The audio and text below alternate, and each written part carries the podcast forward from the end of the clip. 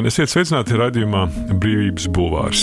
Kā neapmaldīties nākotnē? Pirms gada Vidzemes augstskola izdeva krājumu, kuras uh, ievadā rakstīts, ka novilkt striktas robežas starp pagātni mūsdienām, un nākotnē nav iespējams. Pagātne ir veidojusi mūs, un mēs ar saviem šī brīža pieņemtajiem un nepieņemtajiem lēmumiem, izdarītajiem un neizdarītajiem darbiem veidojam nākotni. Arī nākotne pēc kāda laika kļūs par pagātni. Mūsu studijā ir uh, Vidzemes augstskolas atstādājs profesors un arī viens no šī krājuma veidotājiem Gats Krūmiņš, vēsturnieks. Labdien! Labdien! Kur mācīties no ģeopolitikas, piemēram? Man liekas, šī gada Jā. laikā ļoti bieži notiek atsaukšanās uz vēsturi, uz pagātni. Un vēl aizvien mēs mēģinām saprast to, kas notiek ar kaut kādiem vēstures argumentiem. Pirmā lieta - sadarbība. Ka mēs, īpaši tādi mazie, kas mēs esam, lai arī cik mums ir grūti, mums ir jāsadarbojas. Jā, un tajos laikos, kad mēs esam kaut ko sasnieguši, tad mēs esam bijuši kopā ar tiem pašiem lēšiem, igauņiem, lai arī, arī paplēsušies vai kas tas tomēr neatkarības kara laikā mēs tomēr spējam kaut kādā veidā šeit vienoties un tikt galā. 30. gada beigās, 40. gads, gandrīz nesarunājāmies, līgums bijām saslēguši, reāli nekas nenotika, jā, un tad mums tur tā pa vienam un ar somiem arī nesarunājāmies. Nu, tāds laiks, varam teikt, jā, bet no tā mēs varam mācīties. Nu, tagad tā situācija ir daudz labāka, jau labāka, bet mēs nedrīkstam vienalga, mums visu laiku ir jāuztur attiecības. Nu, piemēram, ir ļoti labi, ko es redzu, ja, kad nu, arī tādas augstākās vadības līmenī, nu, vismaz personīgi prezidentiem jāpazīst viens otram, kad ir kaut kāds ziepes, tad paņem un piezvan, klausies, ko darām. Nevis rakstam kaut kādu vēstuli, prasam tur kaut kādu saucam sapulci, bet uzreiz uzvanam kaut kādiem atslēgas cilvēkiem. Un tu saproti, kas notiek. Tas ir tas tīkls, ja, ka tu pazīsti kaut kādus cilvēkus. Ja, tev nevajag visus, bet vismaz kādu, kādu labi no lielvalstīm, ka tu zini, tu zini tur vienalga Francijas prezidentu, vienalga, tu vari uzvanīt, pateikt, klausies, ko darām. Es domāju, ka tas ir sadarbība un spēt arī tai sadarbībā iziet uz kompromisiem, bet nu, atkal nepazaudēt to būtību. Bet to nevar vienā dienā, nu, tas jāmācās. To es redzu, ja, protams, ap tām visām birokrātijām demokrātijas blaknēm, kas mums ir Eiropas Savienībai. Ja, ka, Nu, tas ir palicis labāk. Nu, to mēs varbūt esam iemācījušies. Ja mēs te paši pa sevi, ja tur dažas valsts tagad iedomājas tādu Ungāru, nu, nezinu, kā viņam tur tas viss beigsies. Ja. Es domāju, vai mēs, protams, runāt par to vēsturi. Es atradu Satoriju, man šķiet, bija publicējis šo Snaidera lekciju, kas bija par Ukrajinu uzreiz pēc tam, kad karš sākās. Viņš tajā lekcijā, tas bija šķiet, Harvardas Universitātē, viņš bija lasījis, ka konflikts un draudošais konflikts par Ukrajinu saistīts ar pagātni. Un, uh, viņš saka, ka viņš uzmanīgi izvēlās šos vārdus, un viņam nešķiet, ka šis konflikts ir saistīts ar vēsturi, lai gan šo vārdu viņš mēdz lietot ļoti brīvi. Un tas viņa apgalvojums ir, ka Ukraiņas konflikts ir saistīts ar tādām parādībām kā atmiņa, mīts, memorializācija vai ar selektīviem veidiem, kādos valdības un vadītāji izvēlas runāt par pagātni un izvēlas savai tautai pamācīt domāt par pagātni. Šis man liekas ir tāds ļoti labs jautājums par to, vai un kādā veidā, nu, tādā politiskā līmenī mēs runājam par pagātni. Jūs ir... pats teicat, ka kara komunikācija ir kaut kas pavisam cits. Protams, jā. Nu, nu, tagad mēs jau redzam, kā mēs runājam tagad un kādus mēs lietojam epitētus, izteikumus, kāda ir mediju vide. Jā. Tagad, mums brīdināja pirms diviem, trim gadiem, ka rādīs, nu, Covid jau kaut kādā veidā iesāka, ja, ka kādam dūrs būs nepatīkami kadri. Ja, tagad eh, reāli rāda nāvi, kas ir bijusi ja, tiešajā ēterā, ja, un tas tur vairs gandrīz nekāda brīdinājuma netiek izteikti. Protams, tā ir kara komunikācija, mēs esam radikalizējušies par daudzām lietām. Nu, tā tas notiek. Tajā brīdī, kad ir ugunsgrēks, ja, tu domā savādāk, eh, ko tu glābsi, kā tu darīsi. Un šobrīd nu, tādā komunikācijā sabiedrībā ir. Bet tas, ko tu par to vēsturi man pavaicāja, ir vēl viena lieta, ko es esmu tagad atkal sapratis, ka ik pa laikam nu, ir tā saka, ka mēs pārrakstam vēsturi. Nu, ka, ka mēs kā, kādā veidā, nu, tas ir tāds koncepts. Nu, Katra jauna paudze. Jā, nu, nākas savu. Jā. Bet tas ir, manuprāt, tas ir ļoti normāli un, un, un tā tam ir arī jābūt, jo nu, tu nevari. Tas ir tā kā tāda gravitāte, ja tu nevari izvairīties no tā, ka katrs laikmets nāk ar savām kaut kādām uh, prasībām. Tu vari no tā mēģināt norobežoties, bet nāk viņš ar kaut ko citu. Un kaut kas nomainās, un mēs arī uz pagātni paskatāmies citām acīm. Un, piemēram, tas, kā es tagad paskatījos nedaudz citām acīm uz pagātni, piemēram, Padomju Savienība un e, šis Lielkrievu elements. Jā. Es atceros, ka vēl pirms gadiem bija tāds esejs jāraksta, un man bija tieši par to padomju propagandu.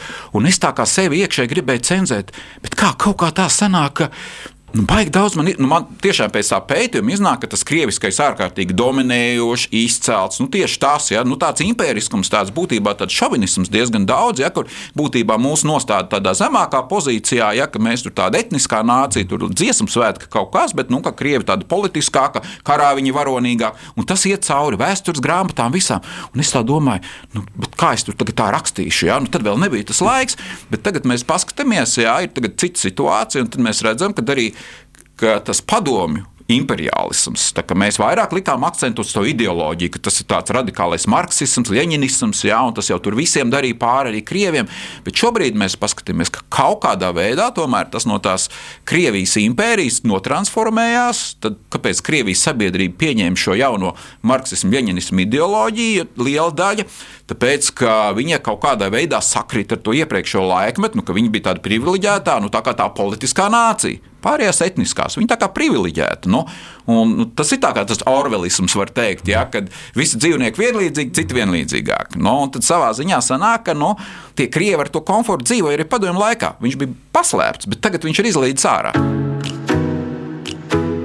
Vēsture rāda, ka sabiedrību var pārvaldīt ļoti dažādi šauru grupu rokās un sabiedrību vadīt caur bailēm un nežēlību, konsekventi apspiežot jebkādu pretošanos, vai pat vārdos izteiktu brīvdomību, vai arī mēģināt iet pretēju ceļu, kā sabiedrības attīstības pamatnosacījums, kopt demokrātiskas brīvības, dažādu interešu grupu vienlīdzīgu līdzās pastāvēšanu un sociālu iekļaušanos. Visām sabiedrības pārvaldes formām tomēr ir vienojoši kompetenti. Tās raugās nākotnē un cenšas nākotni ietekmēt, nākotnes vīzijas, stratēģijas vai plāna neatņemama sastāvdaļa ir īstenošana, kas prasa laiku un resursus, kā arī sabiedrības iesaisti un iesaistīšanos. Tā pirms gada iznākušajā krājumā, kā neapmaldīties nākotnē, raksta profesors Gats Krūmiņš.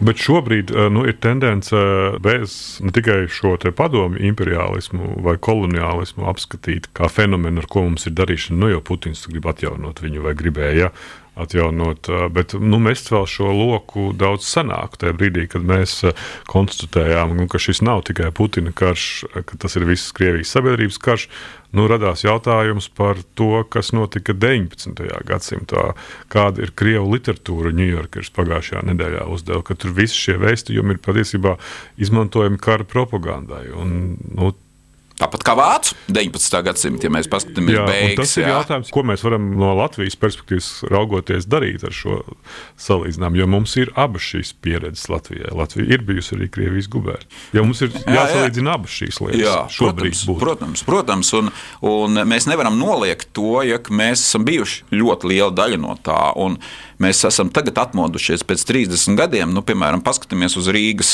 eh, karti. Piemēram, atbrauc viens no Amerikas cilvēks, kurš pirmo reizi Eiropā, un viņš tagad paņem Rīgas eh, karti un skatās pēc ielu nosaukumiem. Un pēc ielu nosaukumiem viņš skatās kultūras darbinieki, mākslinieki, literāti, kurai kultūrai Rīga pieder. Nu, viennozīmīgi Puškins, Lermontovs un tā tālāk. Jā. Tas ir, eh, nu, ir pilnīgi skaidrs, ka pēc šāda jā, koncepta nu, viņš, viņa, ja viņš ir kaut cits zinošs literatūrā, ka tā ir piederīga krievu kultūra telpai. Tāpēc, ka dominējoši nu, teiksim, tā proporcija, man nekas nav pret Puškinu Lermontovu, ja, talantīgi cilvēki, ja, bet mums vienkārši tas ir tajā brīdī kaut kādā veidā iesprūdis, un mēs tagad atjēdzamies, ka jā, nu, mums vajag pamainīt to proporciju, ja mums vajag ielikt arī kaut kāds rietumu, vēl kaut ko paskatīties. Un, un tas ir tas, ka mēs nepamanām ļoti bieži arī paši, ja tu esi pieredzējis pie kaut kā. Tas tas, kas viss tas eh, PSRS okupācijas periods, kad caur izglītības sistēmu, caur vispār, jo tevi pieradina pie ļoti daudzām lietām. Ja? Un, un eh, patiesībā tev pieradina arī kaut ko aizmirst. Ja? Ka tu esi kaut ko aizmirsis. Nu, tā ir vēl viena tāda interesanta lieta, ka Es esmu teicis, eh, ka tādā Covid terminoloģijā labākā vakcīna jā, pret dezinformāciju un propagandu ir izglītība. Jā, izglītība un ļoti spēcīga vērtību sistēma. Es domāju, ka to pakāpeniski var ļaut taisīt vaļā tajā brīdī, kad mums ir šī sajūta, ka sabiedrība nobriedusi. Nu, tā kā Hitlera maina kampfu Vācijā, nu, nopublicēja tagad. Protams, viņi tur bija satraukti, ka tas aizgāja rekordtirāžās kā bestsellers, jā, bet tas neradīja, piemēram, kaut kādas eh, būtiskas izmaiņas vēlēšanu rezultātos, radikālus spēkus vai kaut kas tamlīdzīgs. Ja? Nu, sabiedrība tomēr ir izvērtējusi, nu, un, un viņa ir imūna pret šādām lietām. Viņa... Uz to rakstījumu liekas. Klaus Edlnieks, antropologs, mojās kādā no savām esējām par to, ka viņa tēvs visu laiku skatījās Vrēmiju, bet tāpēc viņš neno, nekļuva par uh, padomju propagandas indoktrinētu personu. Nu, ka, nu, nu, tieši tā. Tas viņa secinājums bija, ka katrs šajos laikos izvēlās uh, tos kanālus, ar kuru vēstījumu viņš vēlas dzirdēt savām ausīm. Nu, jā, teiksim par tiem kanāliem, un ja mēs paskatāmies, jā, tas ir ārkārtīgi sarežģīti. Nu, paskatāmies atkal tas pats viss, tas aktais padomju mantojums vai okupācijas periods. Nu, ļoti daudz mākslas darbu radīti. Jā. Nu, es ik pa laikam arī paskatos, piemēram, ir filmas. Jā. Mēs rādām nu, arī Latvijas televīzija rāda. Rāda Rīgas kino studijas. Rāda kino studijas, jā, tur kaut kādu brīdi apakaļ ilgais ceļš kāpās, tur gāja vēl kaut kas. Jā. Nu, nu, man arī dalīts jūtas. No vienas puses, skaista paula mūzika, jā, tur ir un tā, un smuki nofilmēts, un aktieru spēle ir tīri nekas, jā, bet, bet vismaz sākumā ielikt, nu, tā kā ir Netflixā, jā, ka tev ir uzrakstīts, ka filma ir līdz 16 gadiem, jo tur ir vardarbība, seks, tur ir pašnāvības Kas ainas. Mums būtu mums būtu gadījumā? sākumā jāieraksta, ka tas ir, ka filmā, filmā ir epizodes, kas atspoguļo padomju propagandu. Vismaz tādā veidā, ka viņi ir no PSRS, nu, iedot kaut kādu. Es nesaku, ka jābūt tā. Es esmu redzējis, ka ir valsts, piemēram, kāds pīpē, jā, un tur parādās apakšā titri, ka smēķēšana kaitīga veselībai. Jā. Var jau būt, ka tajā brīdī, kad aizsargi kaujās, piemēram, ar kaut ko un aizsargus, piemēram, parāda ļoti sliktā, kaut kādā nu, ideoloģiski. Nevajag viņus arī, teiksim, idealizēt, bet parāda viņus ideoloģiski ļoti negatīvā gaismā, vai Latvijas republika varbūt ir jāparādās apakšā kaut kādam uzrakstam, jā, ka šai, šis elements, jā, viņi nevajag cenzēt, izgriezt ārā, bet sabiedrībai parādīt, ka uz šo jāskatās kritiski. Bet tas ir tas jautājums, vai mēs esam izmērījuši kaut kā vai sapratuši, vai sabiedrība ir gatava to skatīties bez nekādiem komentāriem. Piemēram, ja tāda filma rāda nu, kaut vai elementāri uz divām lapām, kāds nu, kultūras eksperts jā, uzraksta, kas tad ir tās lietas tur, jā, ka mēs to rādām. Mēs taču arī nemetīsim upīti ārā vai lāci, piemēram, nededzināsim grāmatas. Jā. Tās ir tās vēstures neizrunātās lietas, kas mums ir sabiedrībā kopumā. Jā, mēs līdz ar to nu, mēs esam dažas šādas lietas kaut kādā veidā kaut kur tas ir kaut kur palicis. Jā, mēs Tā neesam izdarījuši arī par atzītajiem un populārajiem dziniekiem, ne tikai jā. par filmām un tam līdzīgi. Protams, protams, protams, un tas ir jāparāda kaut kādā vietā. Nu, tagad arī bija skrīveros, bija diskusija, mans tēvs no skrīveriem, Andrija Upīša vārdā vidusskolu nosaukt. Jā. Nu, tur arī jābūt kaut kādam skaidrojumam, ja tas ir kā literāts. Okay, ja mēs gribam kā literāti, bet tur ir jābūt kaut kādam skaidrojumam, jā, ka viņš nu, tajā okupācijas periodā, ka nu, viņš tomēr tās viņa sadarbošanās eh, ar, ar, ar okupācijas režīmu varbūt pārsniedz tās normas, kuras mēs uzskatām par adekvātām. Jā, nu, skaidrs, cilvēkiem jādzīvo. Jā. Mums vienkārši tam jāpievērš pat uzmanība. Ir, ja, ka jā. kaut kādas filmas ir tādas, ka tur ir tā lieta, ka uh, māksla ļoti saistīta ar ideoloģiju, ar vērtībām, ar visu to pārējo. Un lai arī cilvēki taču arī nu, ļoti daudz lietas, ko darīja, jā, nu, Viņi, viņi jau centās to, to darīt jā, pēc labākās sirdsapziņas, jā, bet vienalga, nu, tas pats, piemēram, Valmjerā ir, ir otrā pasaules kara piemineklis, kur autori stāsta par to, kā viņi ir iekļāvuši elementus, kas simbolizē nu, ne tikai šo atbrīvošanu pēdiņās, jā, 44. gadā, kur pilsēta faktiski nodedzināja, bet eh, arī ielika iekšā elementus no, no, no deportācijām, nu, tādas kopējās tautas ciešanas, un viņi to skaidroja un rādīja, un tas bija 80. gadu vidus, un tas izgāja cauri. Bet, jebkurā gadījumā mums tur ir jāieliek, nu, kas arī tiek darīts, pa, to pieminiektu nost nejaus, bet ir jāpieliek kaut kāds paskaidrojums nu, cilvēkiem, lai viņi saprotu, kas tas ir, jā, ka, kāpēc ir šie elementi. Tas kauls nelaužas teikt, ja mēs esam tāda sev cienoša politiska nācija, nu, mums ir šādas lietas jāsavada kārtībā, nu, tādā publiskā telpā. Nu, tas nevienam nekaitē, ka mēs ieliekam, pasakām, ka tur bija tas, tas, tas, pieliekam vēl kaut kādu atsauci uz kaut ko vai QR kodiņu vai kas, tehnoloģijas atļauj, lai cilvēki izglītojas. Nu, Un tas ir tas, kāpēc mēs nonācām situācijā, nu, tagad, kad mums jātaisa cietie krievu kanāli. Jo mēs neesam droši, ja, ka cilvēki adekvāti to uztvers. Tā tas diemžēl ir. Ja, nu. Latvijā pēdējos simts gados ir izdušas etniskas un kultūrāls kopienas ar gadsimtos mērāmām vēsturiskām saknēm. Vācu baltieši, ebreji, vecticībnieki, par separātismu 30. gados aizdomās turētie lībieši, izzudošo kopienu vietā ir radušās citas, ienesot citas vērtības, citu sabiedrību, vēsturisko atmiņu un tradīcijas. Visticamāk, Līdzīgi procesi notiks arī nākotnē, lai arī kā mums reizēm gribētos kādus procesus apturēt un iekonservēt, vai pat atgriezt atpakaļ, mēģinot atjaunot kādu vēsturisku situāciju, kura mums šķiet optimāla. Tā krājumā kā neapmaldīties nākotnē, raksta Gats Krūmiņš. Skaidrs, ka Latvijā nenonāktu jā, līdz ebra iznīcināšanai, bet nu, tas, ka Ulmaņa laikā vēl tika pieņemts tāds, nu, es teiktu, godīgi pretebreju likums, jā, kur liedz latviešu tautības sievietēm strādāt kā kalpotājiem ebreju ģimenēs, un, un vēl tur šādas tādas lietas, nu, tas labi galīgi neizskatījās. Nu, līdz ar to mēs varam teikt, ka mēs to pānu nedaudz pasildījām, tādu antisemītismu. Nu, arī Latvijā, ja tāda, nu, tas bija gan, gan arī pret vācu baltiešiem, ja, nu, tas nacionālisms pret citām tāda neiecietība. Ja, un, un skaidrs, ka pēc tam jā, šis PSRS okupācijas pirmais gads, ja tur pielietu eļu ugunī, un nu, daļa no cilvēkiem Es teikšu, tā varēja noskatīties, jā, nu, kā tiek iznīcināta ebreju kopiena. Jo tā ir vēl viena tēma, ko es esmu daudz. Vēsturnieks saka, ka mūs, mums par šo periodu runāt, nu, piespieda mūsu iestāšanās NATO, ka tur bija zināmi nosacījumi arī runāt par šiem jautājumiem. Un, no, un tie nāca no ārpuses. Un, un, ja mēs paši, tad mēs droši vien aizmirstu, ja mēs kaut vai paskatāmies tagad vēsturiskā atmiņa, tāpat Latgala braucot šos mazos stāstus, meklējot, es tikko paņēmu, kur eh, jauni vēsturnieki ir eh, uzrakstījuši tādas atmiņas stāstus par varakļāniem pie ebreju kopienu. Mēs varakļānus tagad zinām, ka cīņas starp Latviju un Vidzemi identitātes meklējumi, jā, un viss šis pārējais, jā, pie kura tā novada, vai tas ir Madona vai tas ir Reizekne, bet varakļānos eh, pirms otrā pasaules kara apmēram pusiedzīvotāji bija ebreji.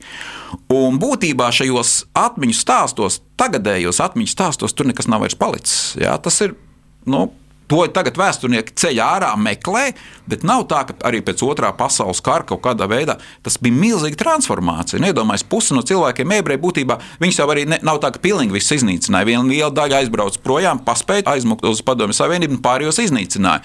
Bet viņi neatgriezās. Un tā milzīga transformācija, mēs par to esam aizmirsuši, par to mēs nerunājam. Par daudz ko mēs nerunājam, par vācu baltiešiem īsti mēs nezinām, ja, kas tur bija kaut kādas lietas. Ja, mēs esam tādu uztaisījuši, nu, ko izdevās eh, šī PSRS okupācijas periodā periodā, ka viņi tādos nu, lokālās vēsturēs ļoti bieži uztaisīja, ka vēsture sākās no pirmā kolekcijas dibināšanas. Izmet ārā arī nacionālā partizāna tēma. Patiesībā pretošanās bija ļoti plaša. Mēs tagad to velkam ārā, nu, kur pēdējie cilvēki, kas ir dzīvi palikuši. Tev bija interesanti tā tēze, kas bija mm, tajā sarunu grāmatā ar Zanderu pakļaušanās, ja saucās, mm -hmm. kur tu saki, ka 40. gadā, kad nu, tiek veidota tā pagaidu valdība un notiek viss okupācijas process ka mēģina pavērst to komunikāciju tā, ka nav šī 20, 30 gadu perioda, tikpat kā bijis, ka tas ir nebūtisks. Nu, jā, ka tas tāda valsts nav. Turpat uh, dokumentos, jā, tu nevari attiecināt pensiju, ja tu strādāji atbildīgi amatā pat jā, 20, 30 gados. Tev nepienākās. Tu skaities, ka tā ir tik īslaicīga lieta. Nu, arī visas šīs lietas, kas notika, jau jāteiksim, kā vēsturisko atmiņu, un tas bija mans šoks, jā, kad es skatos tās nu, vietējās lauku kopienas. Ļoti bieži viņiem nav nekādas atmiņas par to, kas notika 20, 30 50. gados. Es atceros tās pirmās novadu grāmatas, ko rakstīja 90. un tad mūsu gadsimta sākumā.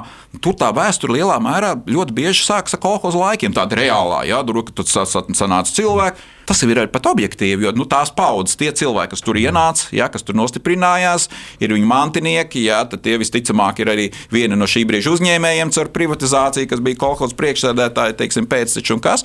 Tas ir tas vēstures stāsts, kas ir. Bet viņš varbūt, ja tīri no tādas vēstures perspektīvas, tur ir vesela laika posma un ārkārtīgi svarīgas lietas, kas ir vispār izdzēstas. Viņas nav. Cilvēki to neatcerās vispār, jo viņi to arī nevar atcerēties. Nu, tādas lietas mums notiek, un, un tāpēc arī ir ārkārtīgi svarīgi skatīties to Latvijas vēsturi, ne tikai tādu nu, tā, milzīgo blāķi, ja, nu, teiksim, Latvijas valsts kā tāda, ja, tas viss, bet mēģināt iet caur tiem stāstiem un caur tiem lokāliem piemēriem.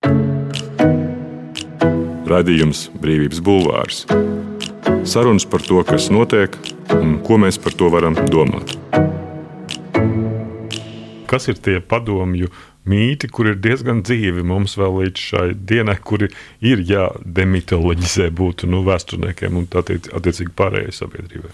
Nu, viena lieta, kas joprojām sabiedrībā tiek uztverta kritiski, tas ir turīgums. Jā, jo nu, turīgos sodīja, ja tev ir nauda, ja tu esi bagāts, vienalga kādā veidā tur vai kas, jā, uz tevi skatās ar aizdomām. Tas joprojām ir saglabāts tāds, jā, nu, ka, ka tas nav pareizi. Jā, un tā pārdala. Vēl viena lieta, jā, nu, kādam mēs paņemam nost, pa kādam paliekam kaut kas tam līdzīgs. Tas ir tas, kas, kas manuprāt, ir tādā sabiedrībā, ka vēl viena lieta, kas ir tāds palicis, no, es nezinu, es to pat nesauktu vairāk par mītu, bet tas ir drīzāk tāds tas DNS, kas ir palicis, ka mums ir īpatsvars, tādu uzņēmīgu cilvēku īpatsvars, kas izdomā, iet un dara, nu, viņš ir salīdzinoši neliels. Ja? Mums to cilvēku īpatsvaru vajag palielināt. Un tas ir arī kaut kāds tāds. Nu, savā ziņā radīts, manuprāt, ja, no tā padomu laika, ka nu, tie, kas tur gāja, tie nav pareizie ja, kaut kādā veidā.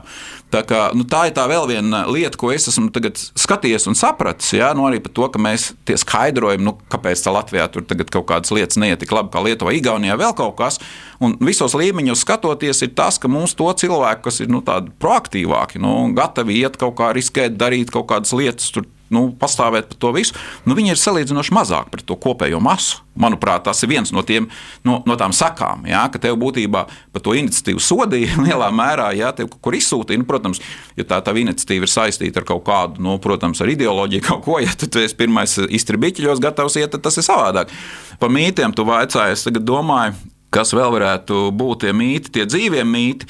Nu, zini, kā viens no tiem. Ir otra daļa, ka mēs konstruējam jaunus nu, mītus. Jā, jā, nu, tas ir sliktākais, ko mēs darām, ka mēs mēģinām uh, izveidot kaut kādus jaunus mītus. Bet, tas ir piemēram saistīts ar to kolhozu laiku. Ja? Lai arī tas mainās, pakāpeniski mainās, uh, tas laiks, mīts par labiem kolhozu laikiem, viņš bija ļoti dzīves 90. gados. Un tas bija ļoti saistīts ar to reālo ekonomisko situāciju. Tad viss gāja uz grunti, viss bruka kopā, un cilvēki, nu, loģiski, viņi atcerās Viņi atcerās to, kas notika pirms tam. Tad, protams, tas kontrasts bija liels. Un tagad tā saimniecība ir savest kārtībā, puslīdz, ja tie cilvēki nu, tomēr dzīvo labāk. Ja tie, kam tas nebija jaunais modelis pieejams, ir aizbraukuši prom vēl kaut kas, tagad tas vairs nav. Teiksim, tas kolekcijas mīts ir savā ziņā salauzts. Vēl viens, kas mīts, protams, bija, jā, bet, bet nu, tas arī ir beidzies, kas sabiedrība domā, nu, kā toreiz būvēja rūpnīcas, jā, visu to darīja, jā, kad kas te mums te nebija. Tiešām caur to vēstures izpēti ir pierādīts, ka teiksim, tas, kas šeit tika saražots un nopelnīts, jā, nu, tas aizgāja projām kaut kur viss un tika īstenots citur, nu, lielajā PSRS politikā. Nu, līdz ar to tas, ka pie tevis Latvijā ražo ļoti daudz vagonus vai mikroautobusus vai sviestu vai gaļu.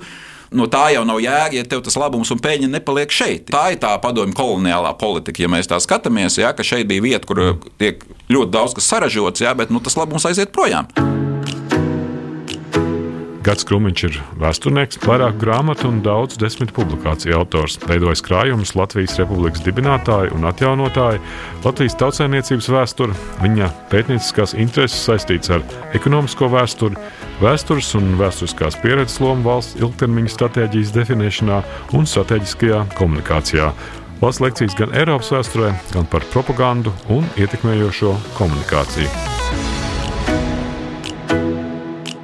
Vēl runājot par krievu kopienu Latvijā, tas man liekas, bija tāds uh, socioloģisks pētījums, ko Maijas Hanovs un uh, viņi veica par to, ka krievu kopiena savulaik tiecoties nu, Baltijā leģitimēt savas saknes, aizrāvās ar dažādu Krievijas impērijas simbolu, un pieminiektu atjaunošanu vai atgriešanu. Tur bija tas periods, kad to Pētera pirmā pieminiektu gribēja uzturēt uh, Rīgā atpakaļ. Restīvi, viņi meklēja kaut kādu telpu, kurā nu, tā krievlodīgo kopienu var iegūt.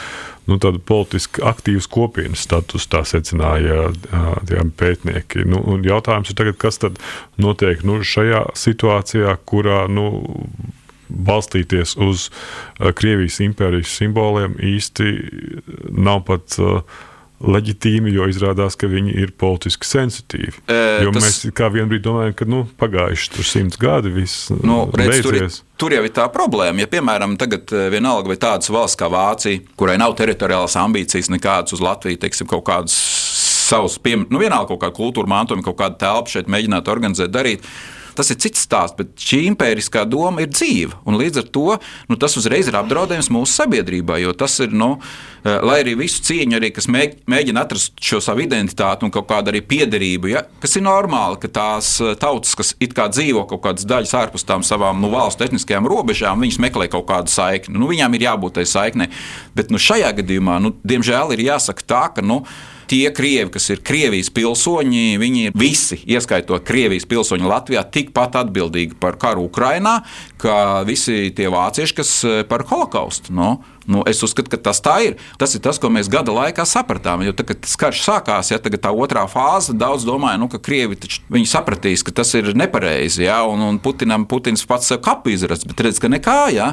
Ka viņi atbalsta, jā, nu, labi, pasīvi vai kaut kādā veidā, bet viņi nav aktīvi pret. Jā. Tā ir tā realitāte. Un, ja šajā teiksim, brīdī runā par kaut kādiem impērismu simboliem, nu, tas pilnīgi skaidrs, ka tas ir apdraudējums. Ja? Un būs ļoti grūti pierādīt man, ka tas jau ir tikai tā, tas jau ir tikai 19. gadsimta, tur jau ir kaut kāda triumfa arka vai vēl kaut kas, vai tur padomju laika simbols, tur jau bija tāda interesanta forša karabāze. Bet tas ir ļoti saistīts šobrīd. Nu? Tad, kad tā impērija būs mirusi pēc 200, 300 gadiem, nu, tad mēs varbūt varēsim kaut ko attīstīt. Tad kā var... skaidrot nu, to paradoksu attiecībā uz Krieviju, ka, nu, kurā nu, Eiropas līmenī jau vairākus gadus notiek savu veidu tāda kultūrāla un sociāla dekolonizācija, kur Krievija turpretī mēģina būvēt savu politiku tieši nu, pretēji tajā 19.